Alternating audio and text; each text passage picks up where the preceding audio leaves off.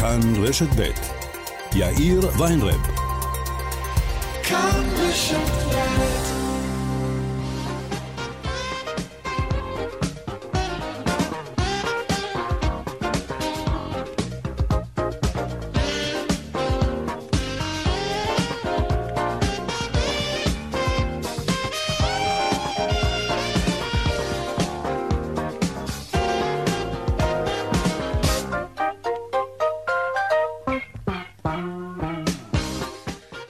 וכמעט חמש דקות, כאן צבע הכסף ברשת ב', יום רביעי, שלום רב לכם, העורך רונן פולק, המפיק היום, כן, אביגל בשור.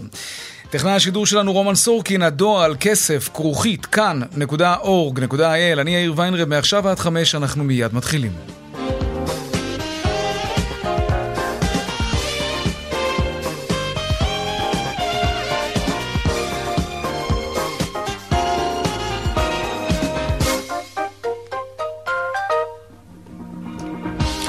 עוד לפני כותרות הכלכלה, בית המשפט המחוזי בירושלים הרשיע את אלירן מלול ברצח בנסיבות מחמירות של אשתו מיכל סלע ברמת מוצא לפני כשנתיים.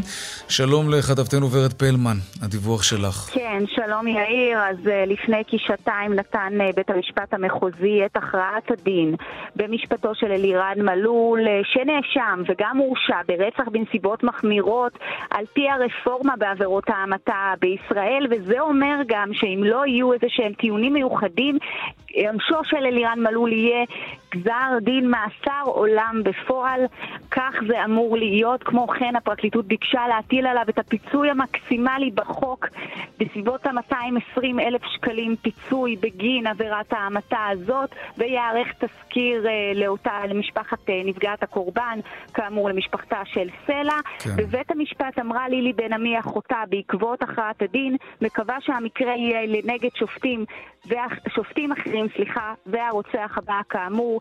גזר הכרעת הדין הייתה רצח בנסיבות מחמירות לאלירן מלול. ורד בלמן, תודה רבה. עכשיו לכותרות צבע הכסף, דרמה בכנסת. לפני זמן קצר על חודו של קול הפילה הקואליציה הצעת חוק שהגישה האופוזיציה לגבי זכאות לדמי אבטלה לעצמאים. חוק חשוב מאין כמותו, ראינו את זה בעיצומה של מגפת הקורונה, אנחנו מרגישים את זה עד עכשיו. גם מייסד תנועת המחאה של העצמאים, אני שולמן, אביר קארה, הצביע נגד וספג ביקורת חריפה מחברי האופוזיציה. מיד נעסוק בכך. חברת הסייבר Cybereason טוענת שחשפה תשתית ריגול מתוחכמת שמיוחסת לקבוצת תקיפה איראנית ופעלה בין השאר נגד חברות ישראליות. שלום דנה ירקצי כתבתנו. שלום יאיר. אז חברת הסייבר Cybereason טוענת שחשפה תשתית ריגול שמיוחסת לקבוצת תקיפה איראנית שפעלה לטובת ריגול וגנבת מידע רגיש בקרב יעדים שונים בישראל, רחבי המזרח התיכון, גם ארצות הברית, רוסיה ואירופה.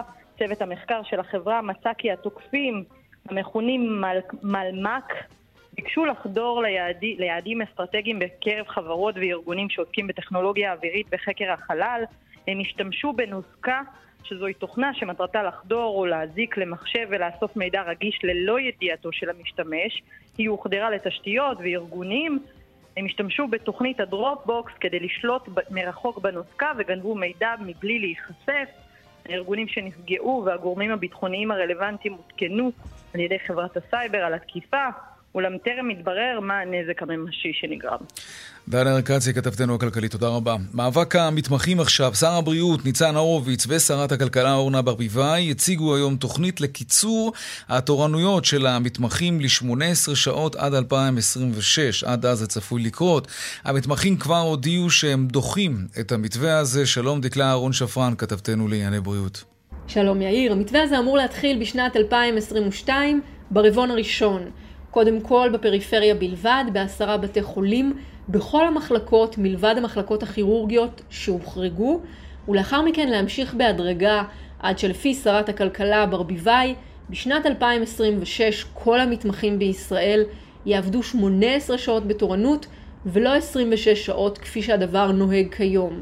שר הבריאות הורוביץ אמר היום בכנסת שהרכבת יצאה מהתחנה ושמדובר במתווה היסטורי. מהצד השני, המתמחים אומרים, אין כאן היסטוריה, אלא צעד קטן מדי וחלש מדי של משרד הבריאות. המתמחים אמרו ש-90% מהמתמחים נותרו מחוץ למתווה וכי הם ימשיכו לעשות תורנויות של 26 שעות.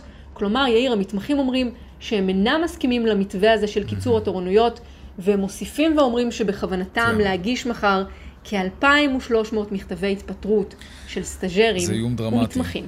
כן, יאיר. תודה רבה. תודה, דקלה. ועוד בצבע הכסף בהמשך, הקרב על הבידודים.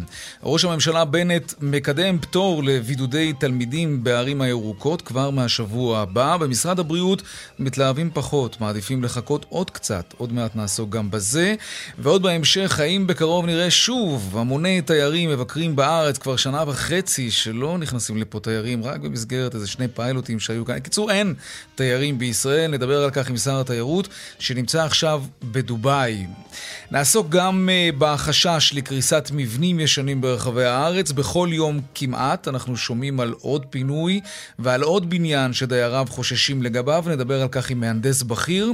וגם uh, האם פנייתכם חשובה לעסקים? האומנם?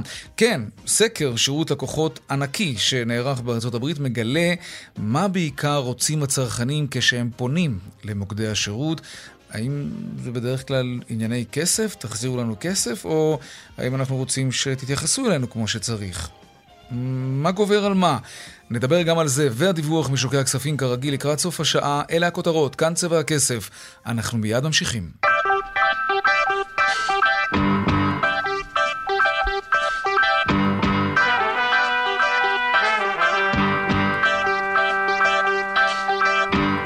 אנחנו פותחים בדרמה בכנסת חוק דמי האבטלה לעצמאים, חוק שדובר בו המון בשנה וחצי האחרונות, אחת מהבטחות הבחירות הגדולות ביותר של לא מעט מפלגות. החוק הזה נפל בהצבעה בכנסת על חודו של קול. בין המת... המתנגדים סגן השר אביר קארה, שלום לכתבנו בכנסת זאב קם.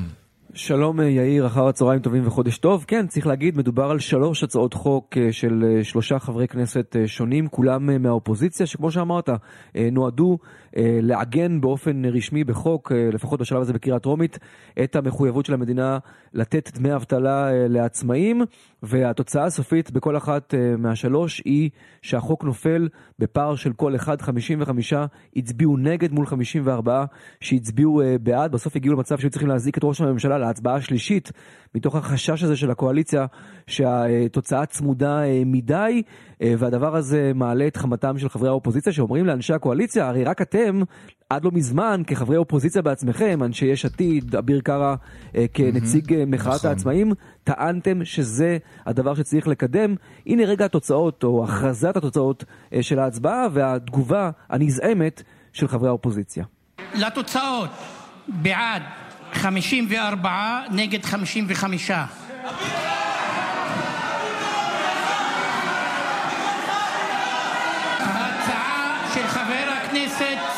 אבו שחאדה על דמי אבטלה לעצמאים לא התקבלה בהפרש של קול אחד בלבד. זאב, תישאר איתנו, בוא נגיד שלום לסגן השר זאב קארה. זאב קארה, אביר קארה, סליחה, כן. שלום וצהריים טובים. אני לא כל כך בטוח לעצמאים אם זה שלום וצהריים אחר צהריים טובים. למה הצבעת נגד? זה היה הדגל שלך. אני הגעתי לכנסת כדי כן. למנוע יוזמות גרועות מצד הממשלה. הממשלה, יש לה לפעמים הרבה מאוד יוזמות גרועות. 29 הצעות חוק גרועות לדמי אבטלה לעצמאים הצליחו להימנע בשנים האחרונות, וגם היום ההצעה הזאת נמנעה. למה? למה? מה שהציעו פה זה מס אוסאמה אוחנה. זה לשלם עוד כסף לביטוח לאומי, כל העצמאים ששומעים אותי עכשיו יודעים בדיוק על מה אני מדבר.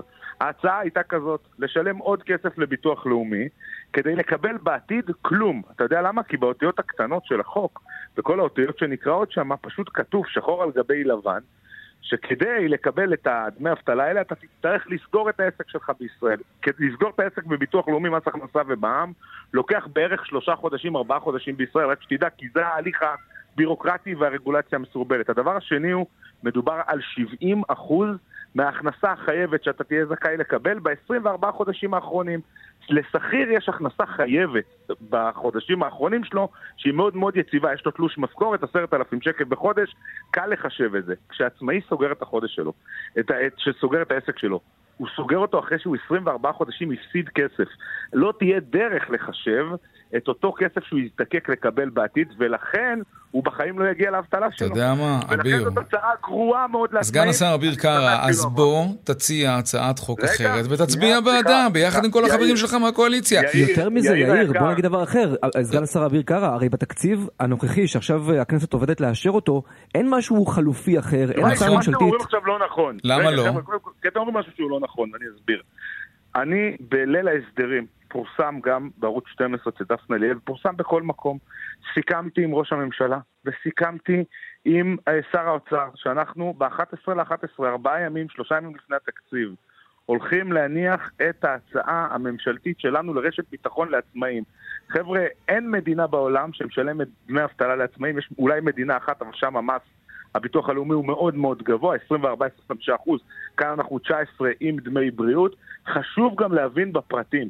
אני לא רוצה להעמיס על עצמאים עוד תשלומים לביטוח לאומי ועוד מסגרות שהם בחיים לא יוכלו להגיע לכסף. אני הגעתי לכאן לא רק כדי לייצג את העצמאים, אלא כדי לעשות גם את הדברים בצורה הנכונה, המיטיבה ובצורה הטובה ביותר, שאדם גם יוכל להגיע לכסף שלו. בהצעת חוק שלי, עצמאי שימשוך את הכסף מאותה רשת ביטחון, יוכל תמיד למשוך את הכסף, הוא לא יהיה חייב להיות מובטל בשביל זה, גם בעיתות משבר. ולפעמים יש לנו עיתות משבר, ולפעמים יש לנו תקופה של חס שלום מחלה, אתה לא חייב להיות מובטל או לזכור את העסק. אוקיי, אז העצמאים שמאזינים לנו עכשיו, ואני מניח שיש כאלה לא מעט, מהו לוח הזמנים? ממתי ידע עצמאי בישראל שאם חלילה מתרגשת אלינו מגפה או כל משהו אחר שיכול לגרום לעסק שלו להיות מושבת למשך תקופה ארוכה והוא רוצה למשוך כסף, מתי זה יקרה? ב-11 לנובמבר אנחנו אה, אמורים לסיים לגבש את החקיקה הזאת, היא כבר מגובשת אה, מצד כל המשרדים יחד עם... אה, המועצה הלאומית לכלכלה, יחד עם אגף תקציבים באוצר, יחד עם מנכ"ל משרד ראש הממשלה, בצורה מאוד מאוד רצינית. אני רק אגיד עוד שני דברים אחרונים. אני, אה, אה, עוד, עוד דבר אחרון, אני התחייבתי על שלושה דברים למצביעים שלי. אמרתי שבפתק אחד מרסקים את הרגולציה הישראלית ומחליפים ראש ממשלה. בשני הדברים האלה עמדתי. והתחייבתי בנוסף לרשת ביטחון אמיתית לעצמאים, גם בזה אני מתכוון לעמוד. בכל המשימות שלקחתי על עצמי, mm-hmm. אני מתכוון לעמוד, ובעזרת השם נעשה ונצליח. חברת הכנסת מירי רגב עכשיו מצייצת שאתה מכרת את השולמנים. אתה רוצה להגיב? אני יכול לצאת. תראה, הם קיבלו תדרוך, ב... הרי למה הם העלו את הצעות החוק האלה?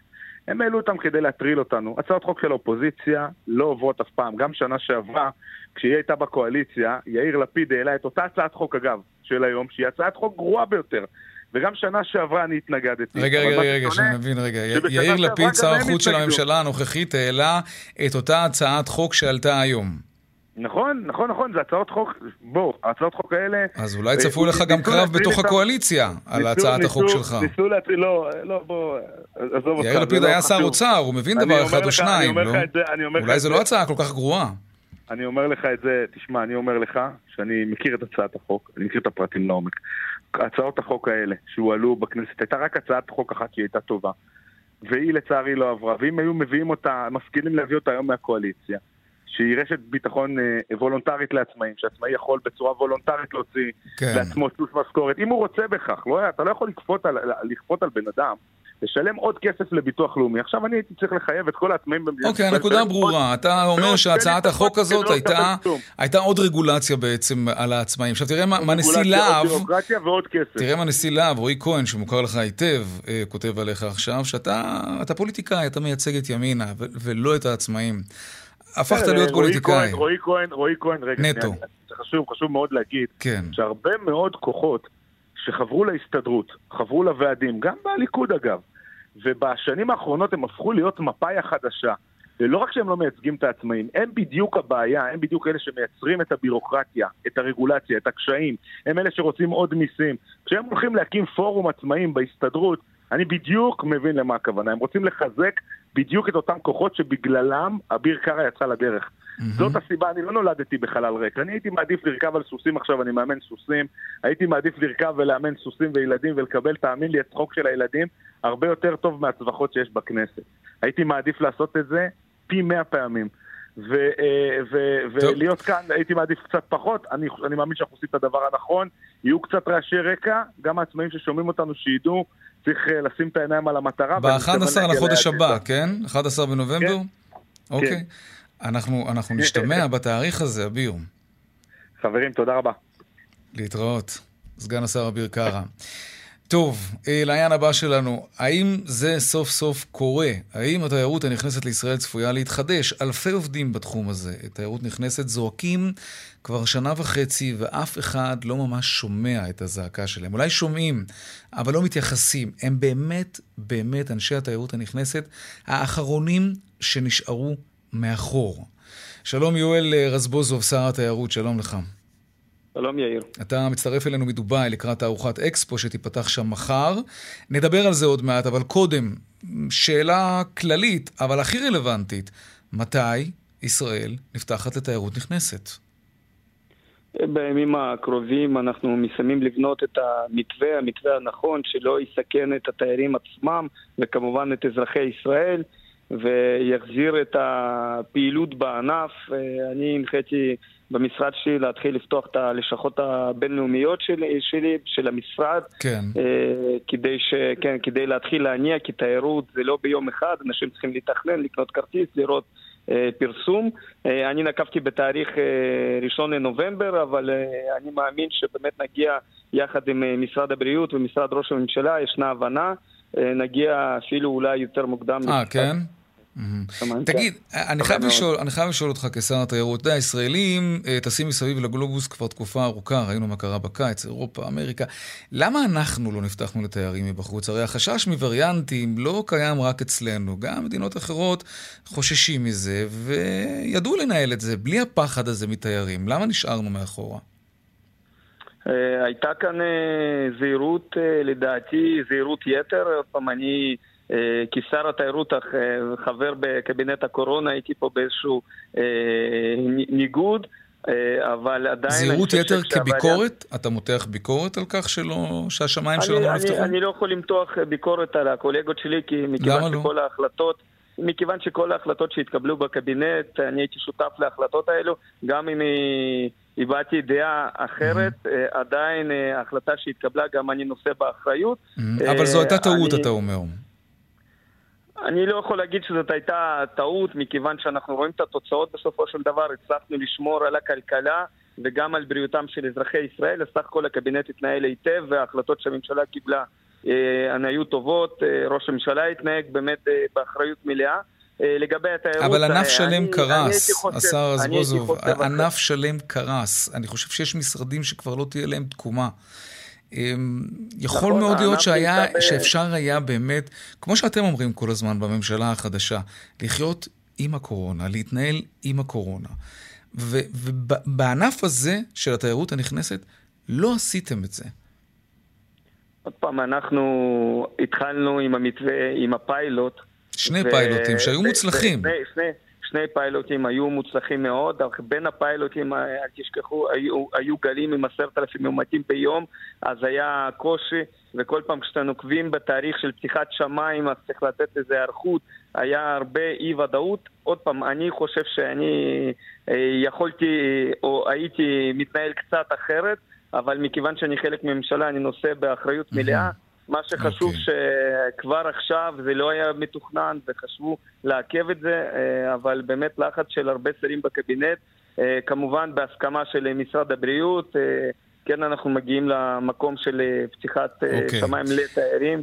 בזהירות רבה. תגיד, השר אה, יואל רזבוזוב, כשאתה נפגש עכשיו, כשאתה שם בדובאי, עם שרי תיירות באבו דאבי ודובאי, ועם בעלים של אה, חברות תעופה, שמענו שאתה אמור להיפגש, וסוכני תיירות גדולים, אה, הם יגידו לך, אדוני השר, הרבה מאוד מוסלמים רוצים לבקר בירושלים, הר הבית, יש פוטנציאל, ישאלו אותך, מתי ישראל תפתח את שעריה לתיירים מבחוץ. כבר יצא לך לומר להם שעד תחילת נובמבר הם יכולים להגיע לכאן? כלומר, אנחנו צפויים לראות תיירים מהאמירויות שנוחתים בארץ אולי אפילו עוד החודש?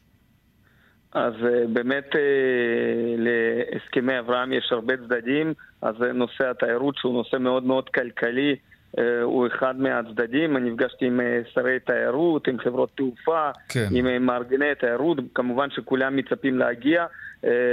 כמובן שגם אה, הייתה הודעה, ושרת הפנים איילת שקד הייתה הודעה על ביטול הוויזות שהם מאוד מאוד שמחו, נכון. אה, ועכשיו אנחנו צריכים אה, לבנות גם מתווה, כי החיסון שלהם הוא לא מוכר FDA ו-EMA, אז למה? מה, מה העניין עם החיסון שלהם? כי עוד פעם, ישנם, ישנם חלק שמחוסנים על ידי חיסונים מוכרים, חלק לא מוכרים. מה זה לא מוכרים? כאן, מה, איזה חיסונים לא מחסנים לא מוכ... שם? לא מוכרים FDA, חיסונים סינים שהם לא מוכרים עדיין FDA. אה, ויש כאן גם איזושהי סוגיה... אז יכול להיות שאנחנו לא נראה כל כך מהר תיירים מהאמירויות כאן בגלל החיסונים שלהם. אני חושב שאנחנו נראה, אנחנו נצטרך אה, לבנות מתווה. אה, זה ניהול סיכונים, בסופו של דבר זה ניהול סיכונים ויש לנו הרבה מה ללמוד מהם. הם לא סגרו את המדינה שלהם, mm-hmm. הם סיפרו לי כמה בדיקות הם עשו, אני חושב שאפשר להתנהל בצורה אחרת. עוד פעם, אני לא רוצה... ולא יכול לבקר את עצמי כי אני חלק מהממשלה, אבל יש לנו מה ללמוד, ואני מקווה מאוד שאחרי הביקור הזה, גם שרת הפנים הייתה כאן, אז אנחנו נראה גם את האמירתים במדינת ישראל. הם מאוד רוצים להגיע אה, גם לחופשות אה, פרטיות, גם לעסקים, הם מאוד אה, צמאים להשקיע במדינה שלנו, כן. כך שיש פה הרבה שיתופי פעולה. אוקיי. Okay. טוב, בוא, בוא נחזור ככה לסיום, לרגע לקיץ, למחירים המטורפים של המלונות כאן בארץ. אתה, כזכור, אז ביטלת את הקמפיין לעידוד תיירות פנים בארץ, כי נורא כעסת, ובצדק. מה עוד אפשר לעשות? האם יש עוד דרך שאתם במשרד התיירות מתכוונים לטפל בבעיה הזאת של המחירים אה, בארץ? אה, זה שוק חופשי, ביקוש והיצע, הגדלת היצע, אה, כמובן הורדת רגולציה, כבר הודעתי על... אה, כשרות אה, חלק... אה, מה, מה, מה? מה לגבי הכשרות? מבחינת הכשרות, הכשרות עולה למלונות 380 מיליון ש"ח, בסופו של דבר הנטל הזה הוא על הציבור, המשלמים, הנופשים, וישנו מתווה שמקדם מתן כהנא, כן. כהנא, את הרפורמה, את הרפורמה, שר הדתות. אתה חושב שזה יוזיל את ההוצאות של הכשרות? עשינו התאמה, אנחנו רואים בלפחות 100 מיליון ש"ח בשנה. שזה אמור לחזור לכיסם של, של אזרחים של הנופשים. אתה בטוח שזה מה כמו... שיקרה? כי לא בטוח שההוזלה אה, הזאת תתגלגל. כשיש להם יותר הוצאות, הם מגלגלים ללקוח. זה, זה חלק. זה חלק. כמובן ההיצע okay. זה אוקיי. הדבר הגדול. ההיצע, זה, ביקשתי לאתר מגרשים לגלמפינג, קמפינג, היום בתקופה של קורונה ופוסט קורונה, אנשים אה, רוצים לצאת קצת מערים גדולות. Mm-hmm. כמובן מלונות חדשים. שנבנים וייבנו. לא לתת למלונות שספגו עכשיו בקורונה, ישנם מלונות ריקים שעומדים בגלל שהם עובדים על תיירות הנכנסת, ועל זה בנינו אה, פיצוי בהחלטת ממשלה למלונות. וכמובן okay. כאן אוקיי. התערוכת אקספו והאמירתים שמגיעים לתערוכה, תערוכה גדולה, ואני באמת נרגש על אדמה ערבית לפתוח מחר רשמית את הדוכן הישראלי, והאמירתים שרוצים להשקיע בארץ, כמובן זה גם יגדיל את ההיצע, כי יבנו עוד מלונות וברמה גבוהה, כך שגם אה, בסוף זה גם ימשוך את התחתית, ואני חושב שבסוף אה, יהיו אה, מלונות מדהימים ויהיו חופשות במחירים סבירים לכל כן. משפחה. שר התיירות, יואל רזבוזוב, תודה רבה לך על השיחה הזאת מדובאי. תודה רבה. תודה. תודה. דיווחי תנועה עכשיו. באלון צפון העמוס ממחלף חולון וקיבוץ גלויות עד הרצליה ודרומה מקק"ל עד לגוארדיה. בדרך החוף לכיוון צפון עמוס מיקום עד פולג ומחבצלת עד מכמורת. עדכוני תנועה נוספים בכאן מוקד התנועה, כוכבי 9550, ובאתר שלנו, אתר התאגיד, אתר כאן. הפסקת פרסומות קצרה ומיד אנחנו חוזרים עם עוד שווה הכסף, ונדבר גם על הבקשה, הוראה, דרישה, לא יודע איך להגדיר את זה, של ראש הממשלה בנט, להפסיק את הבידודים במערכת החינוך. כבר בשבוע הבא, האם יש לזה סיכוי? לא בטוח, משרד הבריאות מתנגדים. נדבר על זה עוד מעט, עמיחי שטיין יהיה כאן, בבקשה. 29 דקות אחרי השעה 4. עכשיו נדבר על בידודים במערכת החינוך. ראש הממשלה בנט ביקש מאנשי משרד הבריאות לקדם את הפסקת הבידודים כבר בשבוע הבא, וזה בגלל שהמספרים, אנחנו רואים, צונחים בכל יום, ומשרד הבריאות פחות מתלהבים. שלום עמיחי שטיין, כתבנו המדיני. עוד קרב של... בין משרד הבריאות לראש הממשלה? לא הספיק קודם. אני, קודם כל אני רוצה קצת להסביר את הרקע, כי כן. למעשה פיילוט הכיתה הירוקה, אותו פיילוט של אה, בדיקות במקום בידודים, התחיל רק השבוע. ב-300 בתי ספר ברחבי הארץ, ואמור להסתיים רק באמצע החודש, וזה הפיילוט.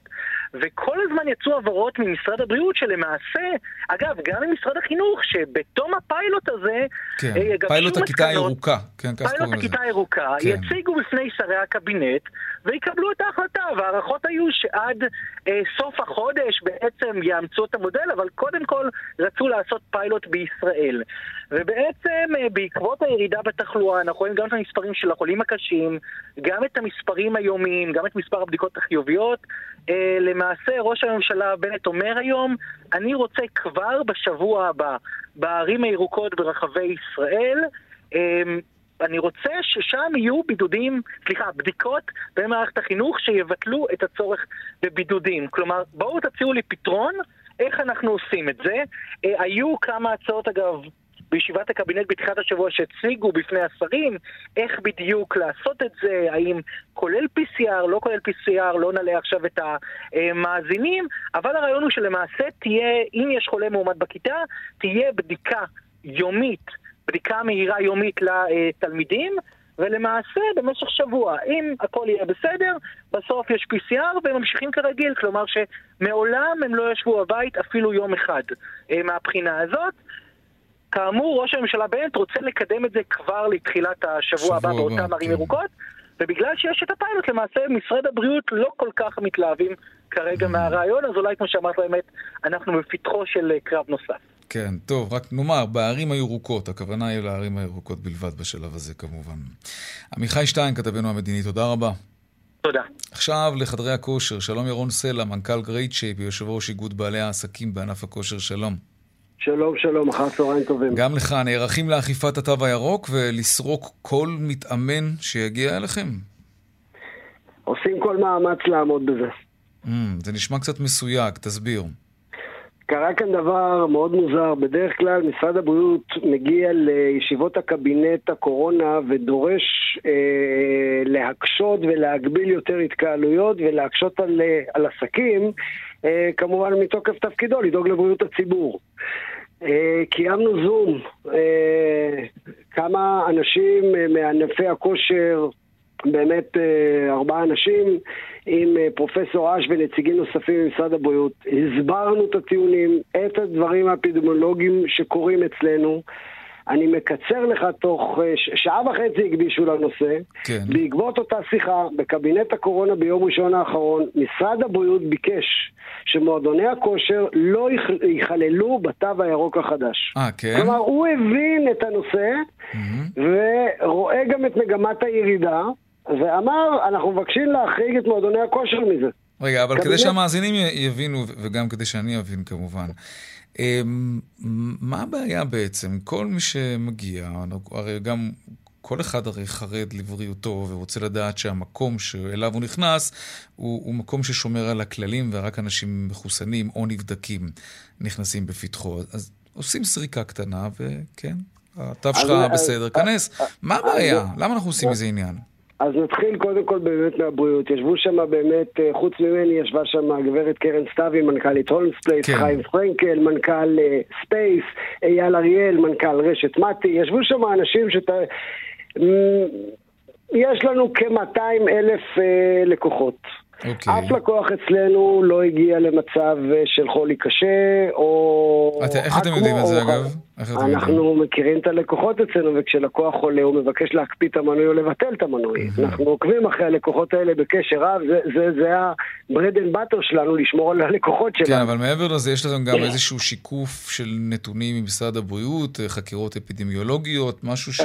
שהוא רשמי? כן, כן. במועדוני כושר, מועדוני הכושר מצוותים במצלמות, אז כשהיו מקרים, היו מקרי הדבקה בגל הראשון ובגל השני וגם בגל השלישי. כן. אז אצלנו בוודאות, ברגע שנכנסת, העברת טביעת אצבע, העברת צ'יפ, יודעים שנכנסת ויש עליך בקרה. עכשיו, במצלמות, במועדון של אלף מטר יש 12-14 מצלמות. רוצים לראות איפה ביקרת במשך שעת האימון שלך, רואים ליד מי היית ואת מי הדבקת, אם הדבקת. Mm-hmm. אז יש נתונים אצל משרד הבריאות, והם, לאחר שהם בדקו... בדקו את כל הנתונים, הם הגיעו למסקנה שלא צריכים להכיל עלינו את התו הירוק החדש. עכשיו, מאיפה גם נוצרת בעיה? כשאתה ניגש למסעדה, עומדת בכניסה מארחת ויכולה לבדוק לך תו ירוק, תו סגול, יש, אין לסרוק. אם אתה נכנס לרוב מועדוני הכושר היום, אנחנו נמצאים במערכת אוטומטית של גלגלת.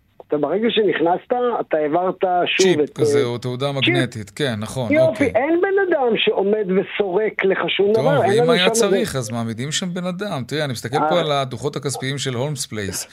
התחילו להרוויח ולא רע ברבע האחרון של השנה. מה מצבכם הכלכלי? אגב, זה לא נראה לי הוצאה כזאת גדולה לרשתות הכושר הגדולות להעמיד איזה מישהו בפתח, כדי שיוודא שכל מי שנכנס הוא אדם בריא. אז קודם כל צריכים להעמיד שני אנשים משעה 6 בבוקר ועד 11 בלילה. לסניף ממוצע בישראל מדובר בתוספת של 30 אלף שקלים עד 40 אלף שקלים עלות מעסיק לסניף. עכשיו, בואו נבין מה קורה בענף הכושר. אנחנו היום עומדים ב-75% מההכנסות שעמדנו בהן ב-2019. עכשיו, מה שיקרה, כמו שאמרת נכון, הגדולים ישרדו. Mm-hmm. איפה כל הקטנים? נכון להיום, מתחילת המגפה, למעלה מ-450-500 סניפים כבר נסגרו. ראינו את זה רק לאחרונה עם רשת סטודיו C בתחילת הגל הרביעי, שאמרה, אין לי את היכולת הכלכלית להילחם בזה יותר. Mm-hmm. מעבר לזה, בדוח BDI האחרון... רגע, אם אתה כבר מעלה את הנקודה הזאת, כמה מכונים היו לפני שנה וחצי ערב פרוץ המגפה, וכמה יש כן. היום?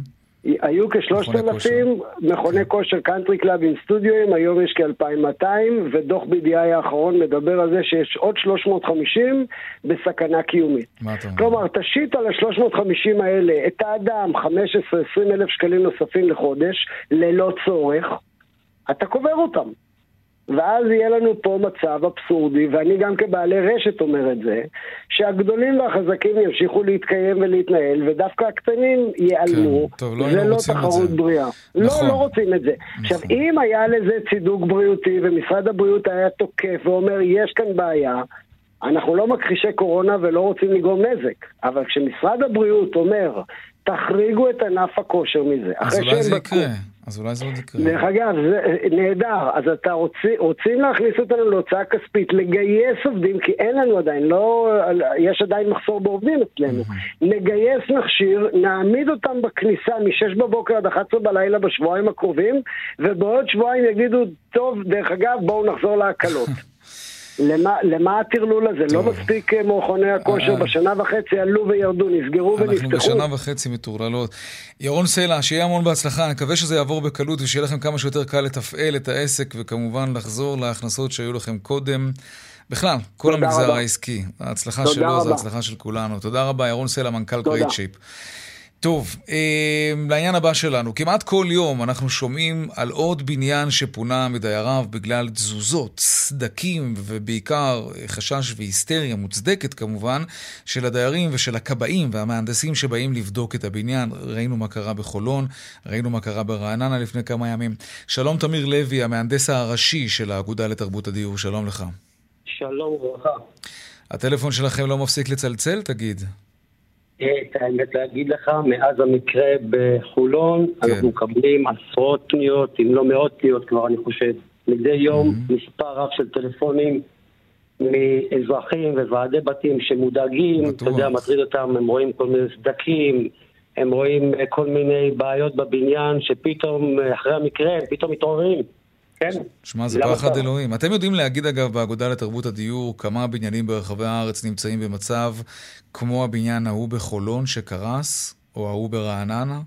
לא, אין לנו את המספרים המדויקים של בניינים כאלה. אה, אני לא יודע למי יש, כי בעצם אה, צריכים לעשות ליפוי בעצם הרשויות אמורות לעשות מיפוי של כל עיר ועיר mm-hmm. ולבדוק את הבניינים האלה, אני לא יודע אם יש מישהו שעשה את זה בכלל. שמע, הרבה מאוד אנשים מבינים אה, שתמ"א 38 או פרויקט של פינוי-בינוי, תמ"א 38-2, זה, זה תהליך ארוך של, של שנים. ולכן לא מעט יוזמות אה, של דיירים אה, להריץ כמה שיותר מהר עכשיו חיזוק על חשבון הדיירים. בלי תמ"א, בלי קבלנים שמנסים לקבל את הגג ולבנות עוד כמה קומות, אלא פשוט דיירים ש... שמחליטים לשפץ בעצמם את הבניין ולחזק אותו. ו- וזה דבר מבורך וגם דבר נכון למי שיכול להרשות לעצמו לעשות את זה כלכלית. איך עושים את זה פשוט? איפה האגודה לתרבות הדיור יודעת, אם אני זוכר נכון, אתם אפילו עוזרים במימון של שיפוצים מהסוג הזה. אה, תשמע, האגודה בעצם מסייעת לוועדי הבתים כן. לשמור על החוש המשותף. אנחנו עוזרים להם לשפץ את הבניין, מכינים להם תוכניות, וגם בנושא של חיזוק אה, מיידי של מבנים, אנחנו ערוכים לכך.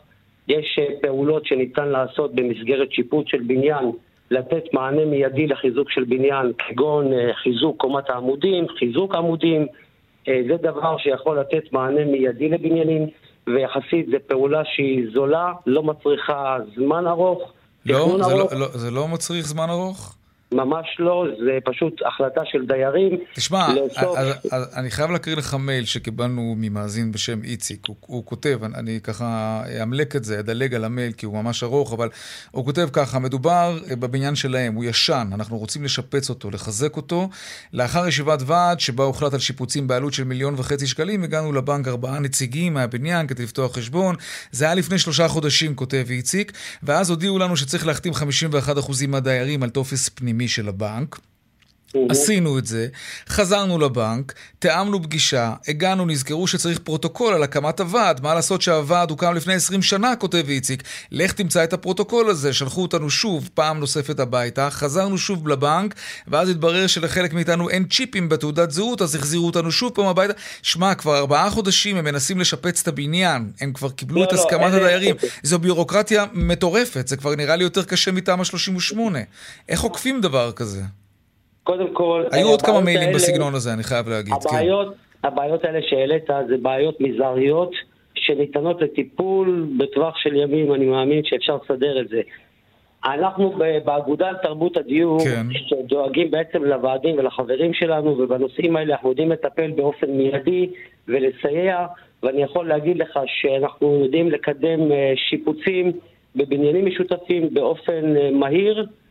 ומבחינת אה, גם כן סרבני תשלום, אה, כל נושא הפרוטוקולים מול הוועד, מה שצריך, יש אה, עיריות שנותנות גם כן הלוואות ומסייעות בנושא הזה בשיתוף עם האגודה לתרבות הדיור.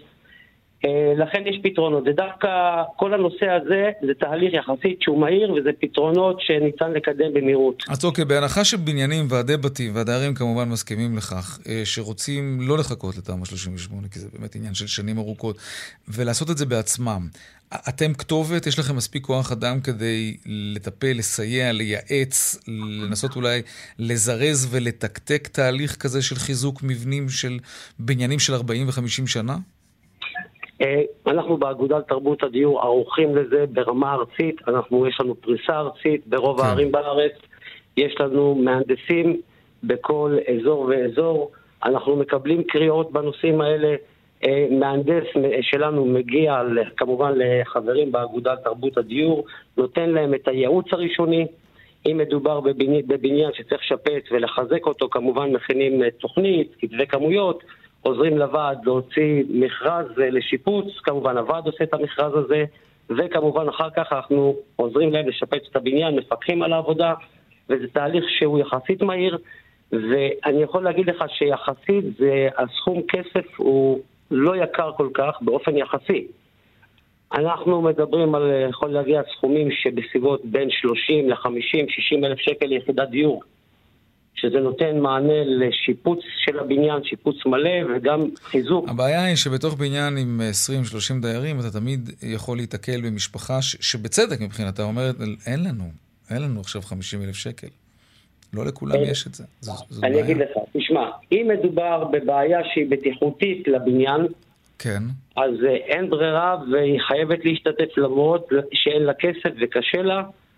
אבל uh, יש אפשרויות, ניתן לפרוס תשלומים, יש כל מיני דרכים לפתור את הבעיות האלה. Uh, בוא נגיד שבסך הכל זה דייר אחד מתוך 20, אז זה לא מכשול, אפשר להתגבר על זה. אוקיי. Okay. תמיר לוי, המהנדס הראשי של האגודה לתרבות הדיור, תודה רבה לך על השיחה החשובה הזאת. תודה. יום טוב. יום טוב. דיווחי תנועה עכשיו. בדרך אשדוד-אשקלון עמוס ממחלף אשדוד עד צומת גן יבנה, ובדרך שש צפונה עמוס ממחלף נשרים עד בן שמן, ובהמשך ממחלף קסם עד אייל. דיווחים נוספים בכאן מוקד התנועה, כוכבי 9550, ובאתר שלנו, אתר התאגיד, אתר כאן. הפסקת פרסומות קצרה, ומיד אנחנו חוזרים עם עוד צבע הכסף.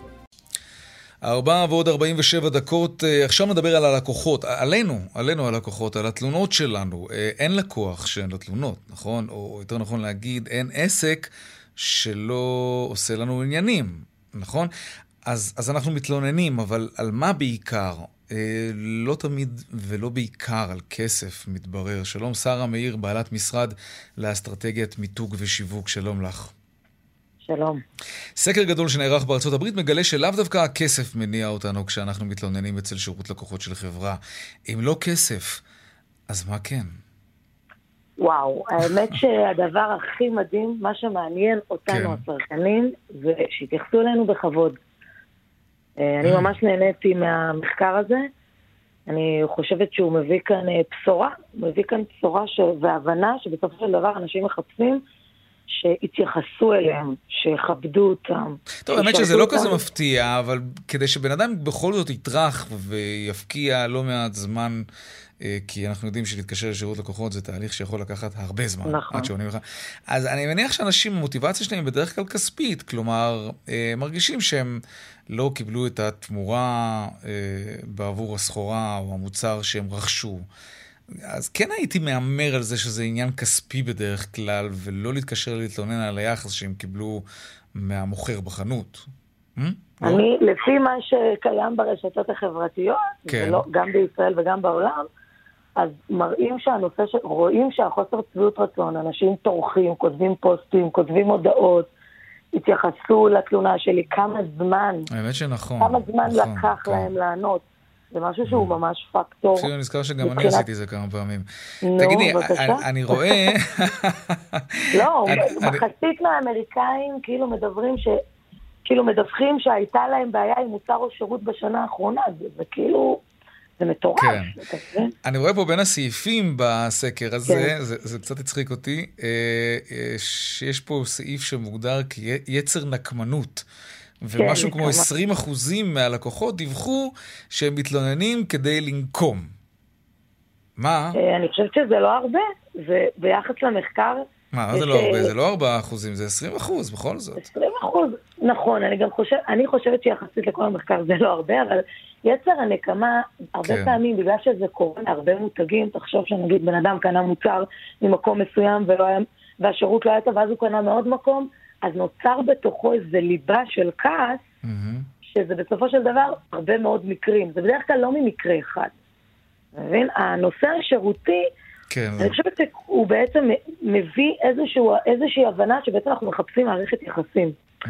אז זה אומר שאם חברה תשקיע יותר ביחס, ויכשירו כוח אדם טוב, ואיכותי, כן. ורהוט, ואדיב, אז ההשקעה הזאת תחזיר להם בעצם את הכסף. תחזיר בענק, כי כן. הלקוח גם ימליץ, וממליצים זה הדבר הכי חזק מבחינת כוח קנייה. כן. וגם הוא יקנה שוב, כי בסופו של דבר אם בן אדם היה מרוצה, יש פה, יש פה אחוזי רווח הרבה יותר גבוהים, כי הוא יקנה עוד פעם. נכון. אני גם חושבת שזה מעיד פה שבעצם זה גם משמר את המערכת יחסים לאורך זמן. זה אה, נכון. אתה מבין? כן. האמת שהרבה פעמים חזרתי לעסק מסוים, בגלל שהיה לי נעים שם. גם כשראיתי שאני יכול אולי להשיג את אותו שירות ומוצר במקום אחר בפחות כסף. אגב, יש פה, אה, שרה, בארץ, אה, אני מניח שאת מכירה את זה, מין אמירה כזאת, תמיד כולם אומרים, כשהם עצבניים אש על איזו חברה, אומרים, באמריקה? מה פתאום? זה לא היה קורה שבאמריקה לא, לא מתווכחים איתך, וישר מחליפים, וישר מחזירים, ולא מתעסקים איתך בכל הקטנות האלה. אה, זה נכון? באמריקה זה באמת אחרת? אז המחקר הזה דווקא מראה שלא. שלא. שלא, כי מחצית אמרו שהם מוטרדים מאוד מהחוויה, והם מרגישים חרדה ובגידה מהמותג. זה, זה המון, זה, זה כאילו, זה רק מראה שהנושא, אני חושבת שהנושא של שירות במותגים, וגם בעסקים, דרך אגב, קטנים ואפילו בינוניים, כל הנושא הזה של נתינת שירות, אין אף גוף או מקום שבעצם מלמד את הדבר הזה שכחלק... Mm-hmm. מלבנות מותג, זה לבנות מערכת יחסים רגשית בכל פרמטר עם הלקוח, לא רק עד שהוא קנה, אלא גם בתהליך הרכישה עצמו, גם אחרי זה, גם אם היה איזשהו, איזושהי טעות עם המוצר, כי קורה שקונים נכון. מוצר והיה איזה פגם. אנשים כאילו מתייחסים לחברה ככוח כן. קנייה, אבל הרבה פעמים לא ככוח קנייה שצריך לייצר המשכיות mm. אינסופית.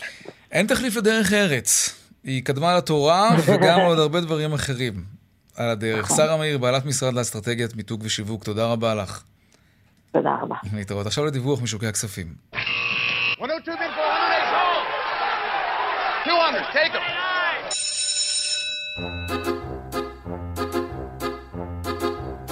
שלום אלה אלקלעי, יושבת ראש IBI, קרנות נאמנות, שלום לך. שלום, שלום. האמת, יום מגוון, שאולי החדשה מרעישה במקומותינו זה ששלוש אמהות עשו אקזיט של 28 מיליון שקל לחברת פוקס על ציוד לתינוקות. ממ.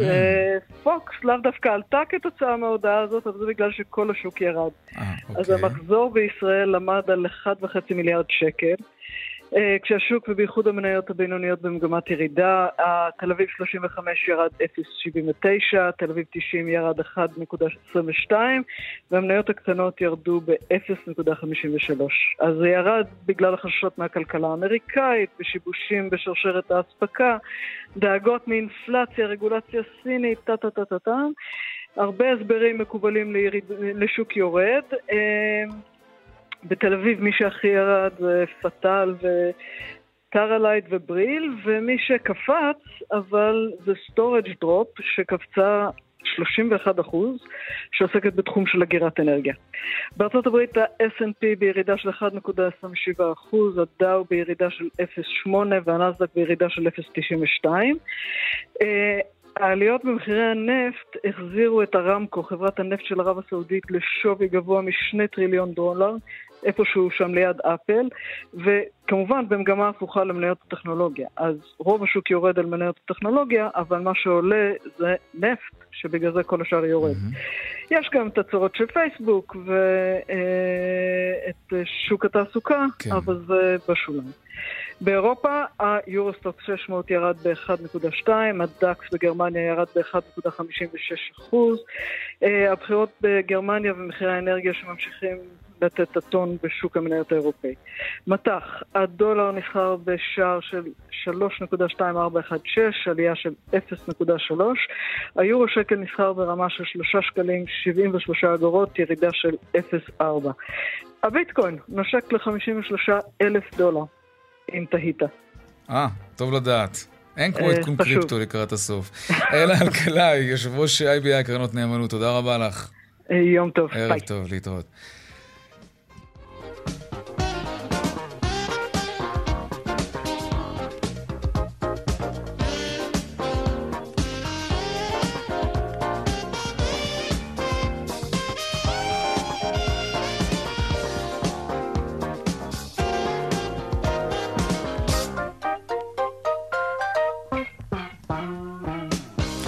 עד כאן צבע הכסף ליום רביעי, העורך רונן פולק, המפיק אביגל בשור, טכנאי השידור שלנו היום הוא רומן סורקין, במוקד התנועה הייתה חגית אלחייני, הדועל של צבע הכסף הוא כסף, כרוכית, כאן.org.il, מיד אחרינו שלי וגואטה, אני יאיר ויינרי, משתמע כאן שוב מחר בארבעה אחר הצהריים, ערב טוב ושקט שיהיה לנו חודש טוב, שלום שלום.